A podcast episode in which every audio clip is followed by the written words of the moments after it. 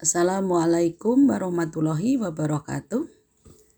Anak-anak, bertemu lagi dengan Ibu Dwi Suyanti dalam pelajaran Bahasa Indonesia. Pada hari ini Ibu akan menjelaskan tentang unsur kebahasaan dalam artikel. Nah, anak-anak, pada pertemuan sebelumnya Ibu sudah menjelaskan tentang pengertian artikel fakta dan opini, serta ciri-cirinya. Pertemuan ketiga kemarin, kalian sudah berlatih untuk membuat opini dari masalah-masalah atau berita yang aktual. Untuk itu, pada pertemuan hari ini, Ibu akan menjelaskan tentang kaidah kebahasaan di dalam artikel. Silakan sambil disimak buku paket kalian ada di halaman 156 sampai 157.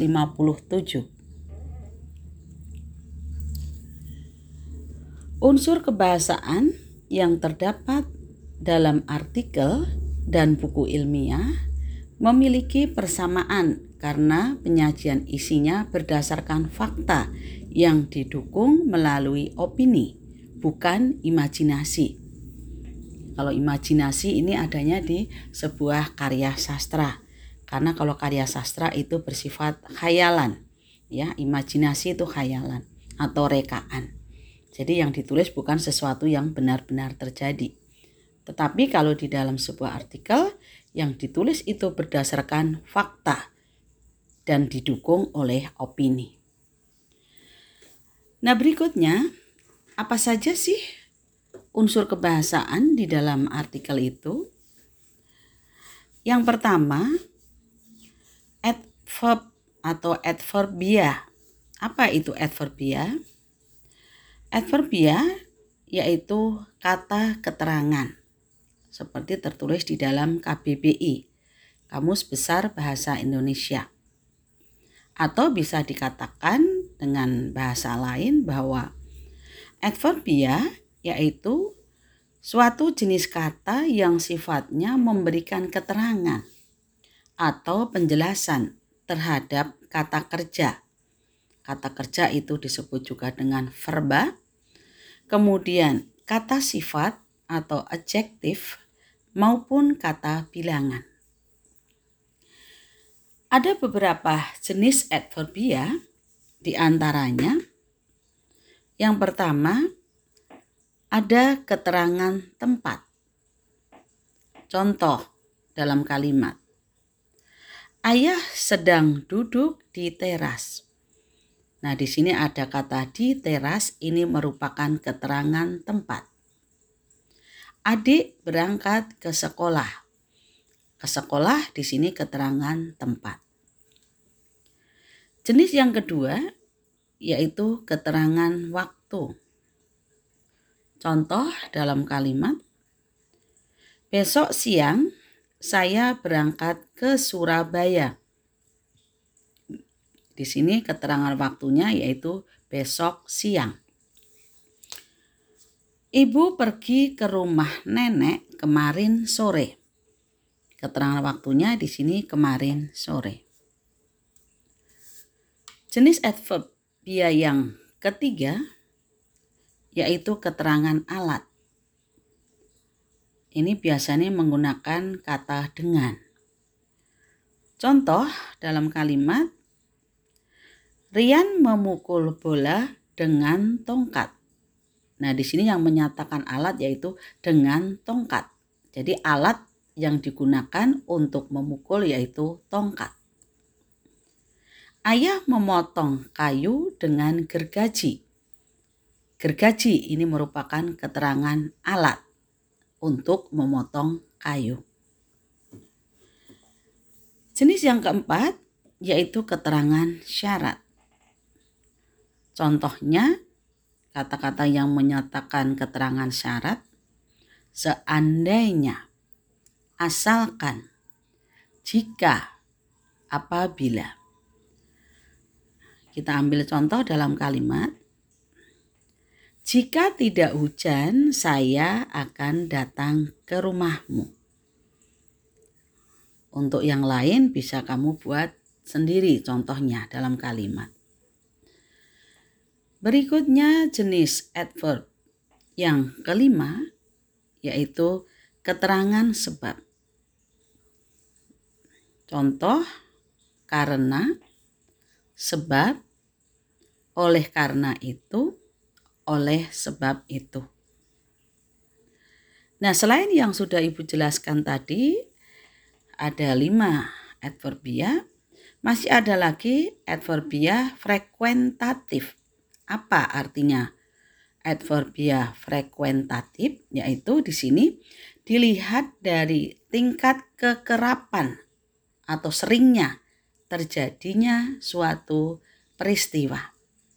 Nah, ini ditandai dengan penggunaan kata-kata selalu, biasanya, sering, kadang-kadang, kemudian kata jarang.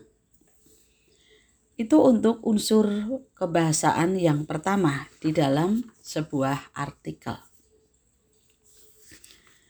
Nah, berikutnya yang kedua, unsur kebahasaan yang kedua yaitu penggunaan konjungsi. Apa itu konjungsi? Konjungsi yaitu kata penghubung. Nah, di sini konjungsi itu ada konjungsi antar kata, kemudian ada konjungsi antar klausa, berikutnya ada konjungsi antar kalimat, dan yang terakhir konjungsi antar paragraf. Nah, apa sih fungsinya konjungsi tersebut? Fungsi konjungsi ini yaitu menggabungkan atau menghubungkan. Kalau itu antar kata berarti kata yang satu dengan kata yang lain. Misalnya ada kata ayah dan ibu pergi ke kantor. Nah, di situ ada konjungsi dan menghubungkan kata ayah dan kata ibu. Kemudian yang kedua, konjungsi antar klausa. Nah, ini adanya di kalimat majemuk, yaitu menghubungkan klausa yang satu dengan klausa yang lain. Ada anak kalimat, ada induk kalimat. Kita ambil contoh misalnya adik sedang belajar ketika ibu memasak di dapur. Nah, di sini ada dua klausa. Adik sedang belajar, kemudian klausa yang kedua, ibu memasak di dapur. Konjungsi yang digunakan yaitu ketika yang menyatakan keterangan waktu. Yang kemudian ada konjungsi antar kalimat. Ini fungsinya menggabungkan kalimat yang satu dengan kalimat yang lain. Nah, kalau kalimat itu ditandai dengan titik. Kemudian konjungsi antar paragraf. Ini berarti menggabungkan, menghubungkan paragraf yang satu dengan paragraf yang lain. Ini letaknya konjungsi itu berada di awal paragraf. Nah, untuk konjungsi jenisnya atau macam-macam konjungsi itu ada cukup banyak. Ibu ambil contoh beberapa konjungsi di antaranya. Yang pertama, konjungsi yang menyatakan syarat apa saja yang termasuk konjungsi yang menyatakan syarat. Di sini ada kata jika, apabila, kemudian seandainya. Itu konjungsi menyatakan syarat. Berikutnya konjungsi yang menyatakan penggabungan. Contohnya kata dan serta. Yang ketiga, konjungsi yang menyatakan tujuan. Ada kata agar, kemudian ada kata supaya. Nah, ini yang sering kali anak-anak eh, dalam pemakaiannya penggunaan kata agar dan supaya sering dikacaukan. Seringkali kita mendengar orang me mengatakan saya belajar agar supaya pandai.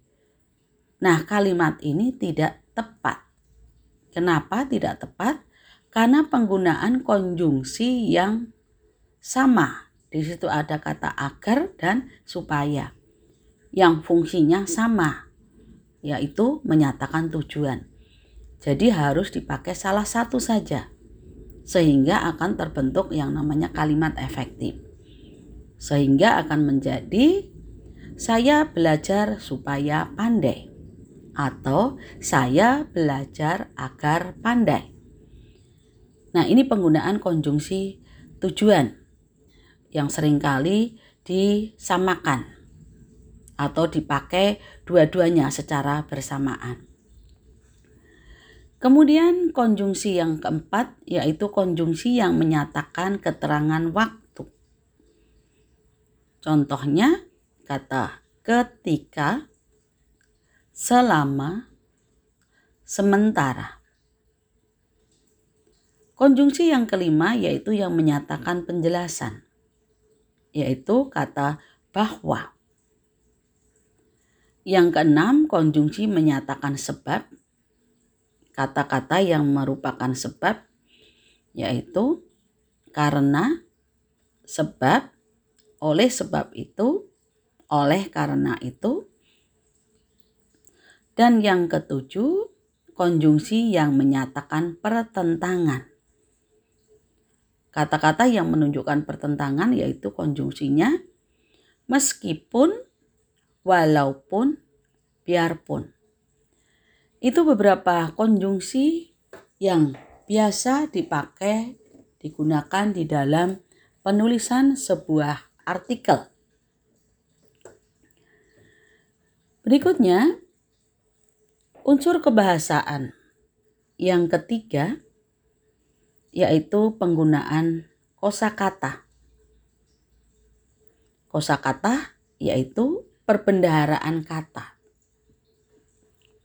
Nah, bagaimana kalian bisa mempunyai perbendaharaan kata yang banyak atau kosakata yang banyak? Ini tentunya dituntut kalian harus rajin atau banyak membaca. Nah, untuk sumber bacaan kamu bisa melihat dari buku, dari koran. Nah, kalau sekarang sudah dunianya zamannya internet, semuanya ada di internet. Karena setiap hari yang namanya kosakata itu selalu bertambah. Sehingga kalian kalau misalnya pada waktu membaca itu menemukan kata atau istilah yang baru, dan kalian belum paham, belum mengerti apa arti dari kosakata tersebut, maka sebaiknya kalian segera cari apa arti atau makna kata tersebut. Kamu bisa lihat di KBBI, Kamus Besar Bahasa Indonesia. Nah, di sinilah eh, kalian akan bisa menambah perbendaraan kata. Harus banyak membaca, Penggunaan kosakata ini harus juga disesuaikan dengan berita atau artikel yang disampaikan. Nah, pada pertemuan sebelumnya Ibu sudah menjelaskan bahwa di dalam artikel itu berita yang dituliskan itu sifatnya berita yang aktual. Berita yang masih baru masih hangat sedang dibicarakan.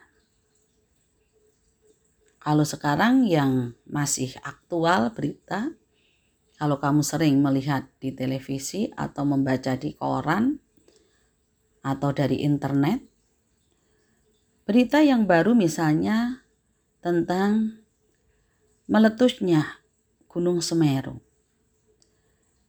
Nah, tentunya di sini karena ini berkaitan dengan gunung yang sedang meletus maka kosakata yang sering kali muncul ini harus disesuaikan dengan peristiwa atau kejadian meletusnya gunung tersebut. Misalnya muncul kata-kata atau istilah ada kata erupsi. Kemudian ada kata lahar. Nah, untuk anak-anak kalau misalnya belum paham, belum tahu apa sih arti erupsi, apa sih arti lahar, maka segera cari di internet atau di KBBI apa sih artinya sehingga kamu akan bertambah kosakatanya. Setiap hari akan bertambah.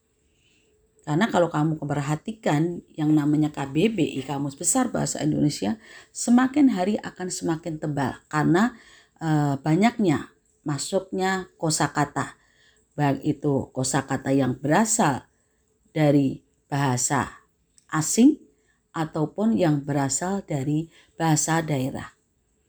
Bahasa daerah tentunya bahasa yang ada di daerah Indonesia. Nah, baru saja Ibu kemarin membaca ada kata oalah. Itu sudah masuk ke dalam KBBI. Nah, kata oalah itu sebenarnya masuk ke dalam bahasa percakapan. Maka di dalam KBBI nanti akan dijelaskan di situ ada cak gitu. Artinya itu digunakan dalam bahasa percakapan. Itu sebenarnya berasal dari bahasa daerah Jawa. Tetapi sudah dimasukkan ke dalam KBBI. Karena ternyata kata walah itu tidak hanya di Jawa saja, ternyata persebarannya katanya sudah sampai di daerah luar Jawa. Sehingga eh, pantas untuk dimasukkan ke dalam KBBI. Itu tentang penggunaan kosakata. Kemudian kalau misalnya artikel yang kamu sampaikan berkaitan dengan banjir. Nah, ini sekarang lagi e, banyak musibah ya, yang gunung meletus, yang jatuhnya pesawat, kemudian banjir, tanah longsor dan sebagainya. Ya, awal tahun ini banyak musibah. Banjir yang sedang melanda daerah Kalimantan.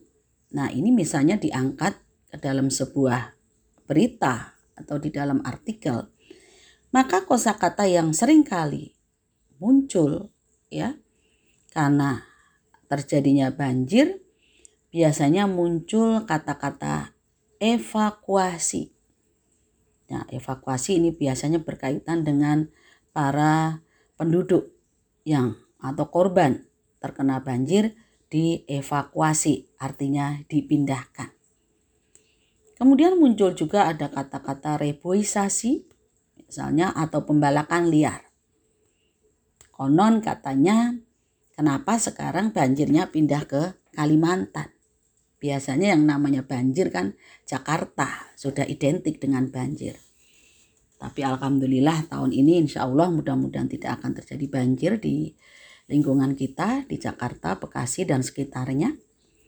Nah ini muncul reboisasi, kenapa? Karena Kalimantan yang tadinya dijadikan sebagai paru-paru Indonesia, ternyata sekarang hutannya di sana sudah mulai gundul.